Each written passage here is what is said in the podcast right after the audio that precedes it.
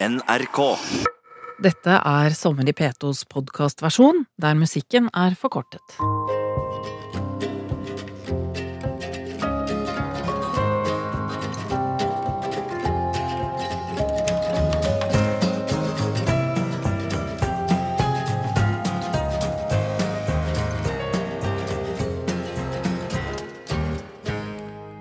I fjor sommer var jeg Punjab i Pakistan på oppdrag for TV 2.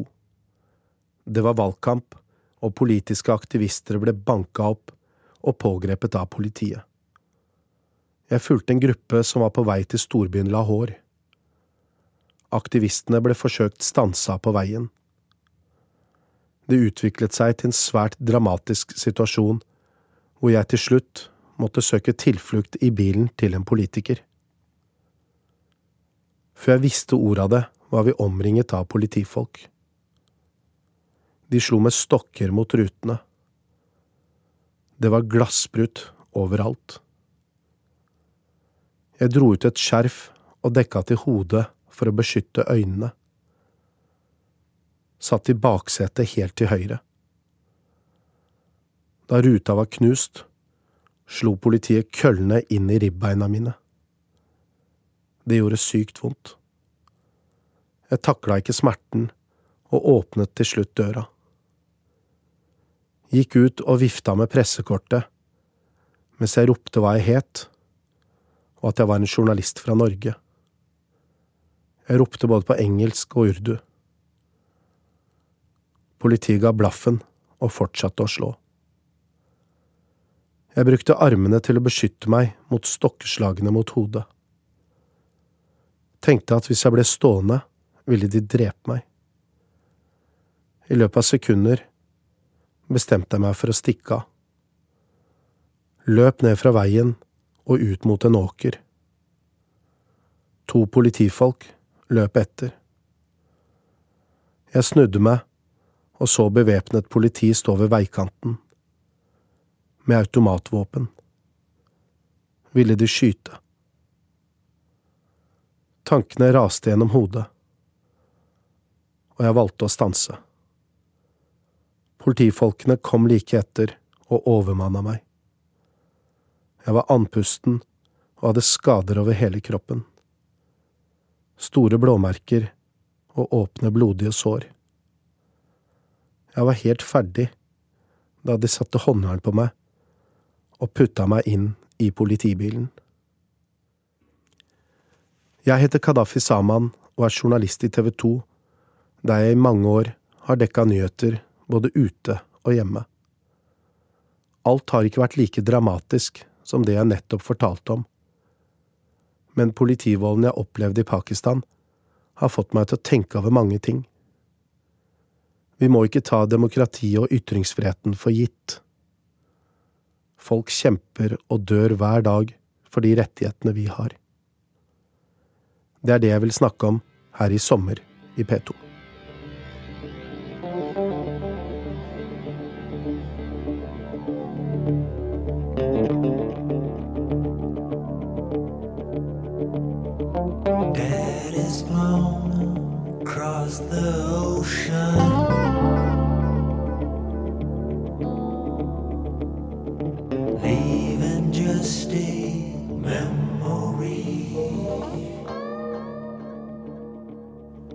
Det har gått ett år siden voldshendelsen i Pakistan. Men jeg har fortsatt arr på ryggen. Jeg dekket en politisk mønstring som reporter for TV 2 da politiet gikk amok. Det var rett før jeg skulle gå live. Det hjalp ikke å ha pressekort. Det hjalp ikke å si at jeg var fra Norge. Og det hjalp heller ikke å se ut som en pakistaner. Jeg ble arrestert og kjørt inn i en celle i Gujarat by. Med bar overkropp og blod som rant fra både armer og rygg. Cella var på ti kvadratmeter med 24 mennesker stuet sammen. De andre var politikere, og alle hadde stygge skader på kroppen. En eldre, ukjent mann kom bort til meg med en skjorte. Lukten og tilstanden i cella kan ikke beskrives. Jeg fikk vasket av meg gjørma på overkroppen, vasket buksa og sårene med vann fra krana. På cella var det minst 40 varmegrader. Og masse mygg. Ingen av oss fikk rent drikkevann. Noen lå og skrek på grunn av smerter. De bønnfalt om legetilsyn eller smertestillende medisiner. Jeg forsøkte å si til betjentene at jeg var en journalist. Til ingen nytte.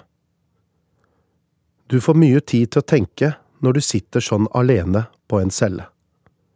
Du tenker på familien, på jobben og på livet. Jeg satt fengslet i et land som min far forlot for snart 50 år siden. Landsbyen hans lå bare en halvtime unna politistasjonen.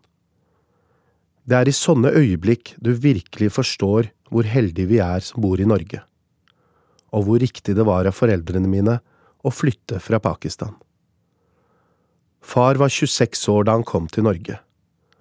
Han hadde studert statsvitenskap, men fikk ikke jobb. Som så mange andre frista det å reise til Europa for å tjene penger. For en midlertidig periode. Gjestearbeider og fremmedarbeider het det den gang. Og det var det han trodde. At han skulle bo noen år i Vesten, tjene penger og så dra hjem igjen. Han bomma skikkelig, stakkar. De var tre venner som bestemte seg for å dra i 1970. Hele landsbyen var samlet for å ta farvel. Far forteller at alle gråt. Det eneste bestefar sa til ham, var ikke glem hvem du er og hva du står for. Vennene hadde en lang reise foran seg. Buss til Kabul, så videre til Iran, Tyrkia og gjennom hele Europa, og så til slutt til Norge. Far kom til Oslo på en fredag og fant en seng i Alfa hospits i Nordahl Bruns gate. Fire unge pakistanske menn delte et lite rom med fire senger. Aziz, Afzal, Tasaddak og Saman. Leien var 300 kroner i måneden. Tre dager etter ankomsten til Norge fikk han jobb på Norafabrikken i Maridalsveien i Oslo. Lønna var 800 kroner i måneden. Slik startet livet hans i Norge, med sortering av flasker. Men statsviteren klaget ikke. Ingen av de som kom på den tiden, klaget. De fleste fikk jobb på fabrikk. Andre tok oppvasken i restaurantene, og noen fant seg en vaskejobb. Ingen venta på at staten skulle hjelpe dem. Dette var mange år før taxi og trikk ble et levebrød. Etter å ha betalt husleie satt far igjen med 500 kroner i måneden. Han sendte noe til familien i Pakistan. Resten gikk til kost. Og den besto stort sett av brød, makrell i tomat og melk. Far kom fra et land med et av verdens mest smakfulle kjøkken, til kanskje det tammeste utvalget på kloden. Fiskebiter i saus av tomat var det nærmeste han kom hjemlandets mat. Ikke rart han digger det fortsatt. Dette var fars liv i Norge i årene før jeg ble født. I ett år bodde han i det lille rommet med de fire pakistanske kameratene. Så flytta han til en liten hybel, alene. I likhet med de fleste andre som kom på denne tida, jobbet han sju dager i uka. Norske ord ble snappa opp på arbeidsplassen. Det var ingen språkkurs eller introduksjonsprogram som venta på gjestearbeiderne. Den selvlærte og gebrokne norsken fra den tida er den han fortsatt kan.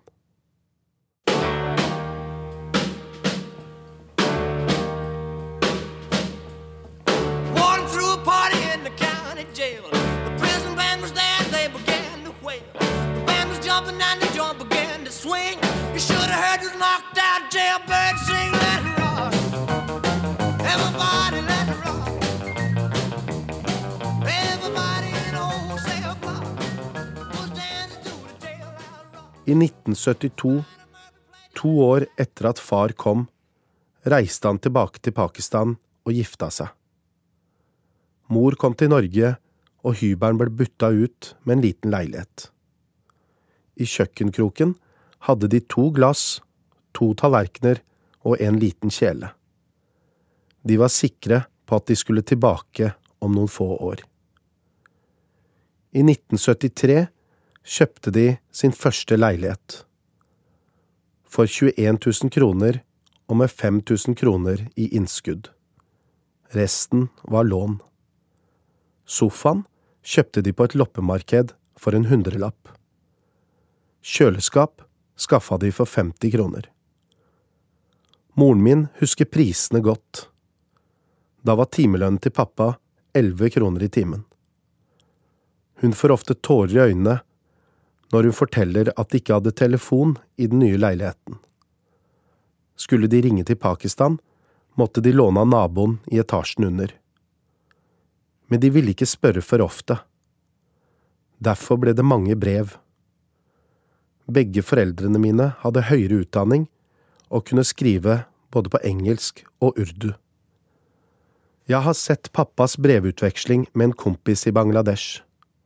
Der er Elvis Presley en rød tråd. Brevene til mamma, derimot, var fulle av sorg og hjemlengsel. Hun savna familien. Det første stedet hun kom til Norge, var Heggedal utenfor Asker. Der satt hun alene og så ut av vinduet. Hun ville se folk. Men det var mest trær, sier hun. Hun savna foreldrene, søsknene, vennene og ektemannen. Han var stort sett på jobb. Først den ene jobben, så kveldsskiftet et annet sted. Pappa avanserte fra å sortere flasker til å bli truckfører, så konduktør på T-banen, før han til slutt ble billettkontrollør i Sporveien. Ikke dårlig for en statsviter fra Pakistan. Far og kameratene hans som kom til dette ukjente landet, trodde de skulle bli boende i noen få år. Etter hvert skjønte de at det ikke var noen vei tilbake. Underveis fikk de en drøm.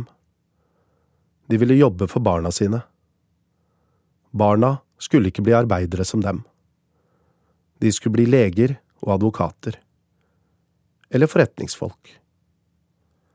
Derfor ga de bånn gass. Faren min jobbet på to arbeidsplasser.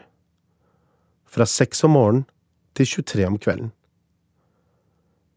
Det gjorde han helt til mor begynte å jobbe på slutten av 70-tallet. Det var ikke sosialt akseptert blant pakistanerne den gang at kvinner jobbet. Så moren min fortalte det ikke til noen på flere år. Ingen av hennes pakistanske venninner i Oslo visste at hun jobbet som morsmålslærer i Lier kommune. Da jeg ble arrestert i Pakistan i fjor, satt jeg på en celle med 24 andre menn. I begynnelsen hadde vi nok med våre sår og smerter. Etter hvert begynte vi å prate for å få tiden til å gå. De var nysgjerrige på meg. Skjønte ikke helt hvordan en journalist fra Norge hadde havna i samme celle. Jeg fortalte dem masse om kongeriket, om hvor rent og trygt det er, om velferdssamfunnet, om den deilige melka, brunosten, egentlig alt det man savner i utlandet. Jeg ble født i 1973. Foreldrene mine oppkalte meg etter en diktator i Libya. Faren min hadde sans for ham. Det var riktignok før oberst Muammar Gaddafi ble koko. Noe av det beste jeg veit, er å sette meg ned med mor og far og prate om den gang de kom til Norge. Hvordan var livene deres? Det er så mye jeg tar for gitt som ikke fantes den gang. Det var ingen innvandrerbutikk de første årene etter at de kom til Norge. Ingen masala, halalkjøtt eller eksotiske grønnsaker. Mamma fnyser når hun forteller at hun ofte drømte om auberginer, hennes favorittgrønnsak. Det ble mye poteter, spinat og gulrøtter. Og NRK. Egentlig bare NRK. Når jeg spør hva hun likte best på TV, kommer svaret raskt. Fleksnes. Hun synes fortsatt at Rolf Wesenlund er tidenes morsomste nordmann. Begge pensjonistene tenker tilbake til gamle dager med stolthet. De forteller om plutselige bekjentskaper. Om folk som stoppet dem på gata og spurte hvor de kom fra. Med et smil. Pappa har mange artige historier fra den gang. Han forteller om en gjest hjemme hos dem som kom ut fra badet og sa at det rant vann ut av telefonen. Han hadde aldri sett et dusjhåndtak før. Så forteller han om en mann som hadde hengt opp sløyfer på stolper i Oslo for å se hvor han skulle gå av på trikken. Mannen var analfabet og kunne ikke lese skilt. En annen luring hadde funnet en bondegård og slakta masse kylling. Endelig skulle han kose seg med halalkjøtt. Men så la han kyllingene i varmt vann i badekaret, for å få fjerna fjærene. Stanken ble en sak for borettslaget, for å si det sånn. Jeg ser hvordan foreldrene mine blir rørt når de tenker på de gode norske naboene. De husker ikke en eneste vond opplevelse. Ingen rasisme, ingen fordommer, bare masse nysgjerrighet og hjelpsomme folk. De snakker varmt om de pakistanske og indiske familiene som kom på samme tid. Mange av dem ble venner for livet. De støttet hverandre. Om du var muslim, sikh eller hindu, hadde ingen betydning. De var alle innvandrere. I et nytt land som ønska dem velkommen med åpne armer. Et land de har vært med på å bygge i snart 50 år. På cella i Pakistan tenkte jeg mye på livets veivalg. Hvor heldig jeg var som hadde en far og mor som valgte Norge. At de til tross for flere forsøk på å flytte tilbake da jeg var barn, likevel endte med å bli i Norge. I arresten tenkte jeg også mye på at det ikke var gitt at jeg skulle bli reporter. Som i de fleste andre pakistanske hjem var det doktor og ingeniør som var foreldrenes drøm. Beskjeden fra far var krystallklar. Jeg kjører T-bane. Det skal ikke du. Det ble mye lekser på meg og mine to søsken. Samfunnsengasjementet har vært der så lenge jeg kan huske, men det var først etter videregående skole at jeg ble ordentlig engasjert. Det skjedde som ingeniørstudent i Oslo. En dag ringte en hyggelig kvinne og lurte på om hun kunne sette opp mors og mitt navn på kommunevalglista til Arbeiderpartiet. Ja, svarte jeg, uten å tenke noe mer på hva det ville bety. Jeg visste egentlig ikke hva et kommunestyre var. Den 12. september 1995 ringte en journalist fra lokalavisen Drammens Tidende. Jeg glemmer aldri datoen og det han sa. Gratulerer, du er historisk. For første gang har en innvandrer blitt valgt inn i Lier kommunestyre. Jeg var kumulert inn fra 50. plass til 15. plass. Moren min ble varamedlem. Kjente og ukjente hadde satt et kryss ved navnene våre og løftet oss bokstavelig talt oppover på lista. Jeg var 22 år og fikk sans for kommunestyret. Likebehandling og utjevning av sosiale forskjeller ble kampsakene mine. I 1997 var det stortingsvalg, og AUF i Buskerud lanserte meg som ungdomskandidat til Stortinget. Statsministeren i landet var sambygding Torbjørn Jagland. Han sto først på listen. Jeg kjempa om femteplass. Det endte med tap på nominasjonsmøtet. Geografi avgjorde og motkandidaten fra Ringerike vant med ti stemmer. Det hender ofte at jeg tenker på hva som hadde skjedd hvis jeg hadde vunnet. Kanskje hadde jeg endt opp som politiker, og ikke journalist. Da hadde jeg i hvert fall ikke havna på en celle i Pakistan. Nominasjonstapet var et bittert nederlag, men det skulle vise seg å komme noe godt ut av det. En VG-journalist laget en nyhetssak om en ung herremann fra Lier som holdt en tordentale på Arbeiderpartiets landsmøte. Faren til VG-journalisten leste saken og ringte meg. Han var forlegger og inviterte til kaffe. Lille Norge der, altså. Jeg husker jeg var skikkelig nervøs. Utenom aviser hadde jeg egentlig ikke lest så mye oppveksten. Bare det vi leste av bøker på skolen. Den eneste boken vi hadde hjemme, var et ettbinds leksikon. Jeg husker godt bokhyllene hos vennene mine. Mor og far tjente ikke nok penger til å prioritere kjøp av bøker, og jeg var heller ikke noe stor fan av bibliotek. Forleggeren spurte om hvordan jeg definerte integrering. Tilhørighet, aksept og deltakelse, svarte. Han likte det han hørte, og sa Vil du skrive en bok for meg? Underveis i samtalen forsto han at familien Saman ikke hadde noen bokhylle. Han skrev ned noe på en papirlapp og ga den til meg. Les denne boka, da har du lest det meste, sa han. Jeg gikk ut og kjøpte min første bok, en tykk blekke som het De nasjonale strateger av Rune Slagstad. Det tok sin tid, men jeg fikk pløyd meg gjennom den. Året etter ble min egen lille bok publisert. Norge i svart, hvitt og brunt. Den fantastiske forleggeren het Andreas Skartveit. Arbeidet med boka fikk meg til å innse hva jeg egentlig ville bli. Jeg ville bli journalist. Fortelle historier om mennesker. Fra Norge og det store utland. Fortelle om det som er vanskelig, og det som er bra. Og slik ble det. Farvel til kommunestyret og starten på journaliststudier i Stavanger for 20 år siden.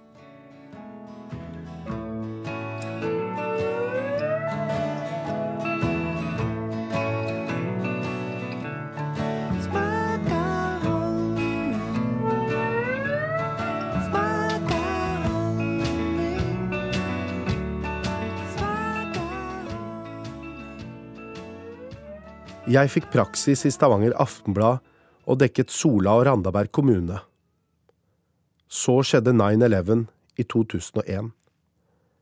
Vi satt og så det grusomme terrorangrepet på TV. Først ett fly som krasja inn i en skyskraper i New York.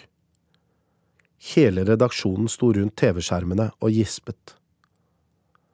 Og mens vi prøvde å forstå, kom neste fly.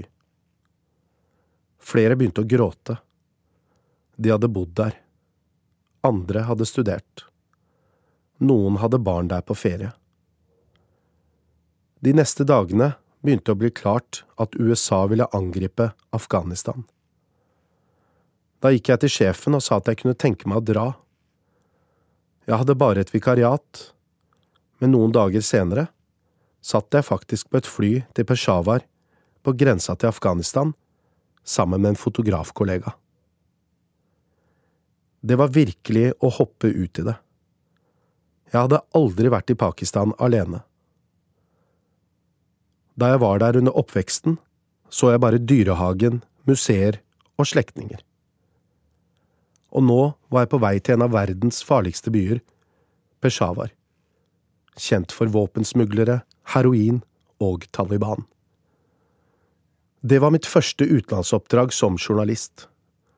Hele verdenspressen var samlet og ventet på at amerikanerne skulle bombe Afghanistan. Vi reiste rundt og dekket saker langs grensen. Ble kjent med journalister. Noen av dem ble drept like etterpå. Blant annet italienske Maria Grazia fra Corriere della Sera. Det gjorde et sterkt inntrykk.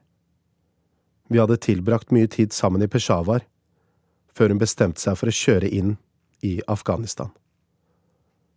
Hun ble drept. Rapporteringen fra Pakistan i 2001 fikk fart på min karriere som journalist. Ett år senere fikk jeg en telefon fra VG. De anbefalte meg å søke på et vikariat. Jeg gjorde det, og var så heldig å få jobben. I VG var jeg først og fremst en krimreporter.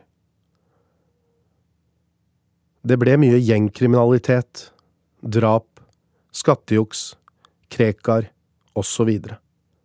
Masse rart. Jeg dekka tsunamien i 2004 i Indonesia. Så var jeg den første norske journalist som dekket pilegrimsreisen til Mekka. Jeg reiste masse. Leita etter B-gjengen i Brasil. Dekka jordskjelv, krigsforbrytelser og en rekke drap i både Norge og utlandet. Til TV 2 kom jeg i 2006. Jeg blir ofte spurt om jeg er en actionfreak. Jeg er ikke det. Helt seriøst. Men jeg liker å være der ting skjer. Og så liker jeg å ha et fokus på ekstreme miljøer. Jihadister, høyreekstremister, muslimhatere og jødehatere. Ekstrem ideologi kan få ekstreme konsekvenser. Det er bare å se på andre verdenskrig. Men det er også et godt eksempel på hvordan mennesker på tvers av religioner og nasjoner kom sammen for å bekjempe nazismen. På skolen lærte vi om de allierte, om hvordan USA, Storbritannia, Frankrike knuste Nazi-Tyskland. En mindre kjent del av historien er bidraget til de allierte fra datidens India. En britisk koloni som besto av nåtidens Pakistan, India og Bangladesh. Ikke mange vet at British Indian Army under den andre verdenskrig ble den største frivillige armeen noensinne. I 1945 var størrelsen på 2,5 millioner mann. Hinduer, muslimer og sikher som sto på de allierte side. Britene innførte ingen verneplikt, så deltagelsen i British Indian Army var frivillig. De indiske soldatene deltok i kamphandlinger i Italia, Øst-Afrika, Nord-Afrika, Syria, Tunisia, Burma, Hellas og Sicilia. Mer enn 90 000 indiske soldater ga livet sitt i kampene mot nazistene og fascistene i Europa. Vi lærer ikke om dette på skolen i Norge. Jeg kan litt om det fordi min morfar var offiser i British Indian Army. En enda mindre kjent side er Indias bidrag til britenes krigsfond. Jeg kom over det ved en tilfeldighet da jeg rota i farfars saker. Der fant jeg en bunke med kvitteringer for War Fund. Bestefar, som var en passe stor jordeier i Punjab, var en av de som donerte mye penger til det britiske krigsfondet under andre verdenskrig. I et av dokumentene jeg fant fra 1942, hadde han gitt 955 rupees i donasjon. På den tida tjente en soldat ti rupees i måneden. Bestefar var også med i noe som het Gujarat District Defence League. Det var en samling av menn som helt oppriktig trodde på Winston Churchills motto We shall drive on to the end and do our duty, win or die. Fra en liten landsby i Punjab bidro bestefar med sitt i kampen mot det onde. I hele India var det millioner av mennesker som donerte penger til krigen mot nazistene. Denne hjelpen var uvurderlig for det britiske krigsmaskineriet. Jeg må ærlig innrømme at jeg er veldig stolt over innsatsen til bestefaren min. Jeg heter Kadafi Saman og er reporter i TV 2. I sommer i P2 forteller jeg om hvordan mine foreldre kom fra Pakistan, og hva det har betydd for meg som journalist. Jihadister og nazister ønsker ikke pressens søkelys. De ønsker å operere i det skjulte. Da er det min jobb som pressemann å avsløre de destruktive kreftene som opererer i det skjulte rom. De som legger angrepsplaner mot samfunnet. Dette har vi sett på nært hold i Norge. Jeg glemmer aldri 22. juli 2011. Hadde egentlig ferie, men jeg ringte inn til sjefen etter bomben i regjeringskvartalet. Bare kom, sa han. Da var det kaos i Oslo.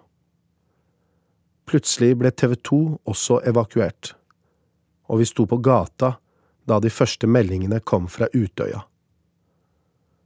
Det var ingen interesse for skyting på Utøya, for regjeringskvartalet hadde jo gått i lufta. Men så kom det en telefon til, og enda en og enda en i løpet av bare noen få sekunder. Jeg satte meg i bilen med en fotograf og kjørte utover. Ved Sandvika husker jeg at vi hadde blitt passert av over 50 ambulanser. Da vi kom til Soljehøgda, var det satt opp sperringer. Det pågikk fremdeles skyting på Utøya. Jeg rapporterte live i timevis. Utøya-dekningen er nok noe av det tøffeste jeg har gjort, rent psykisk. Både fordi det var så ekstremt, og fordi jeg har vært AUF-er sjøl. Jeg har vært der, kjenner øya, og vet hvor få gjemmesteder det er. De fire neste dagene rapporterte jeg nesten døgnet rundt. Mellom nyhetssendingene gråt jeg også ofte. Det syntes ikke på lufta, men jeg tror at de som kjenner meg, kunne se hvor preget jeg var. Jeg dekket også hele rettssaken i ti uker i Oslo tingrett. Det var nesten enda sterkere. Da fikk vi beretningene om hver og en av de 77 ofrene. Hver og en var drapsofre, og da skal det foreligge en obduksjonsrapport. Noe av det sterkeste var ekspertene som kom inn og fortalte hvordan kulene hadde gått inn i venstre tinning, ut av bakhodet, skudd i munnen, osv. Det var barn som var skutt åtte–ni ganger. Og så sitter de pårørende og hører på mens massemorderen virket helt uberørt. Det var grusomt å se. Man blir aldri vant til død og ødeleggelse selv om man har sett det på kloss hold gjennom mange år. I oktober 2007 fulgte jeg og TV 2 hjemreisen til den tidligere statsministeren i Pakistan, Benazir Bhutto. Hun landet i Karachi etter ni år i eksil. Hundretusener av mennesker sto i gatene og ventet på å hylle den karismatiske lederen. Den modige kvinnen trosset drapstruslene fra muslimske ekstremister, og bestemte seg for å komme tilbake til Pakistan og stille til valg. Sammen med fotografen gikk jeg til fots i kortesjen i det enorme folkehavet. Gikk rett ved siden av lastebilen som beveget seg i sneglefart, og hvor Benazir Bhutto sto på toppen og vinket. Etter å ha fulgt henne i mange timer skulle vi ha direktesending på TV 2 klokken 21. Jeg og kollegaen min måtte dra til livepunktet, og gikk derfor vekk fra stedet like før klokken ni. Idet vi gikk direkte på nyhetene, hørte jeg et enormt smell. Minutter senere var vi tilbake på samme sted. Det synet glemmer jeg aldri. Blod og deler av menneskekropper overalt, og en lukt som jeg aldri hadde kjent før. Akkurat der vi hadde gått til fots i mange timer, eksploderte to bomber. 180 mennesker ble sprengt i filler. Det var nesten ingenting igjen av dem. Det var et av de dødeligste terrorangrepene i Pakistan.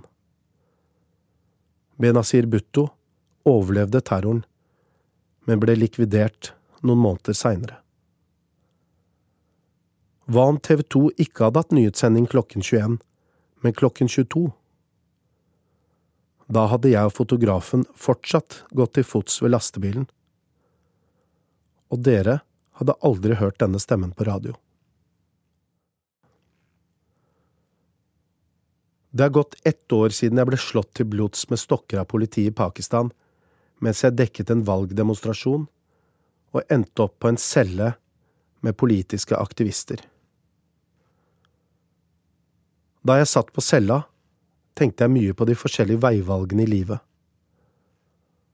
Og på flaksen jeg ofte har hatt.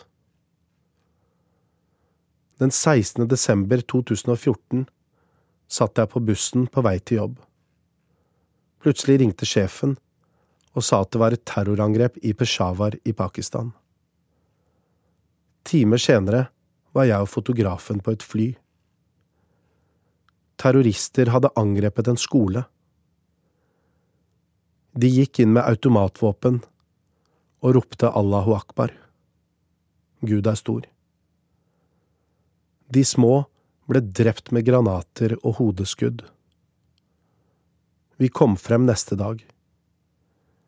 Likene var fjerna, men alt annet lå igjen. Blyanter og skolebøker var fulle av blod. Skoene de mista mens de prøvde å flykte fra kuleregnet, var samla ved den lille utgangsdøren. Alle klarte ikke å komme seg ut. Store blodpøler viste at mange av dem var blitt massakrert på samme sted. Akkurat som på Utøya. Det var et forferdelig syn. 149 barn ble brutalt revet bort. Over hele Peshawar ble det hengt opp plakater av ofrene. Smilende barn med skoleuniformen sin. Fulle av energi og livsgnist. De samme plakatene så vi da vi dro til Sri Lanka i påsken etter et voldsomt terrorangrep de samme smilene, den samme uskyldigheten. Forskjellen er at de fleste ofrene på Sri Lanka var katolikker, mens de som ble drept i Peshawar, var muslimer. Men de sønderknuste familiene sitter igjen med det samme tapet og den samme sorgen. Og de samme spørsmålene. Hvorfor? Hva har vi gjort for å fortjene dette. Hvorfor akkurat mitt barn? Røttene mine, oppveksten min og jobben min har gjort meg veldig takknemlig for livet i Norge. Når du ser hvor jævlig det er enkelte steder i verden, verdsetter du skikkelig det vi har. Spesielt demokratiet og ytringsfriheten vår. For meg er det ingen klisjé. Jeg har sett hvordan folk har krevd frihet flere steder i verden, og hva slags pris de har betalt. Jeg kan stå her i Norge og si hva jeg vil uten å være redd for å bli arrestert av myndighetene. I hvert fall hvis det ikke er straffbare ytringer. Det er ingen spioner som noterer hva jeg sier, for så å rapportere det videre. Det er virkeligheten i mange land. Journalister blir arrestert fordi de skriver kritiske artikler mot myndighetene. Slik jeg opplevde det i Pakistan. Politiet ville ikke at brutaliteten de utførte mot politiske aktivister, skulle formidles ut til verden. Derfor ble jeg jaga, slått, arrestert, og fikk bilder og opptak sletta. Når man ser sånt i land etter land og kommer trygt tilbake til Norge, blir respekten for det vi har, enda større.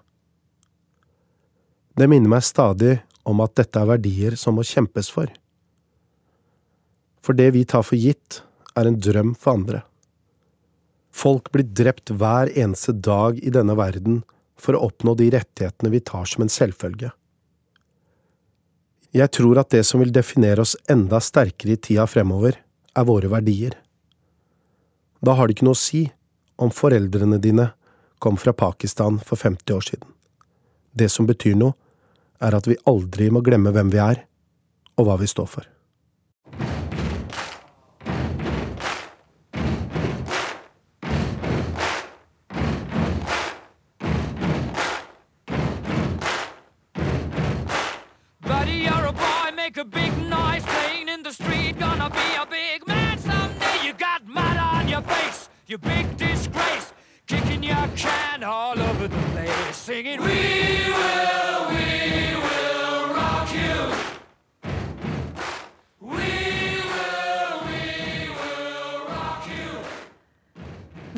Høre radioversjonen med all musikk, kan du høre den på nrk.no, på mobil, nettbrett eller PC. NRK.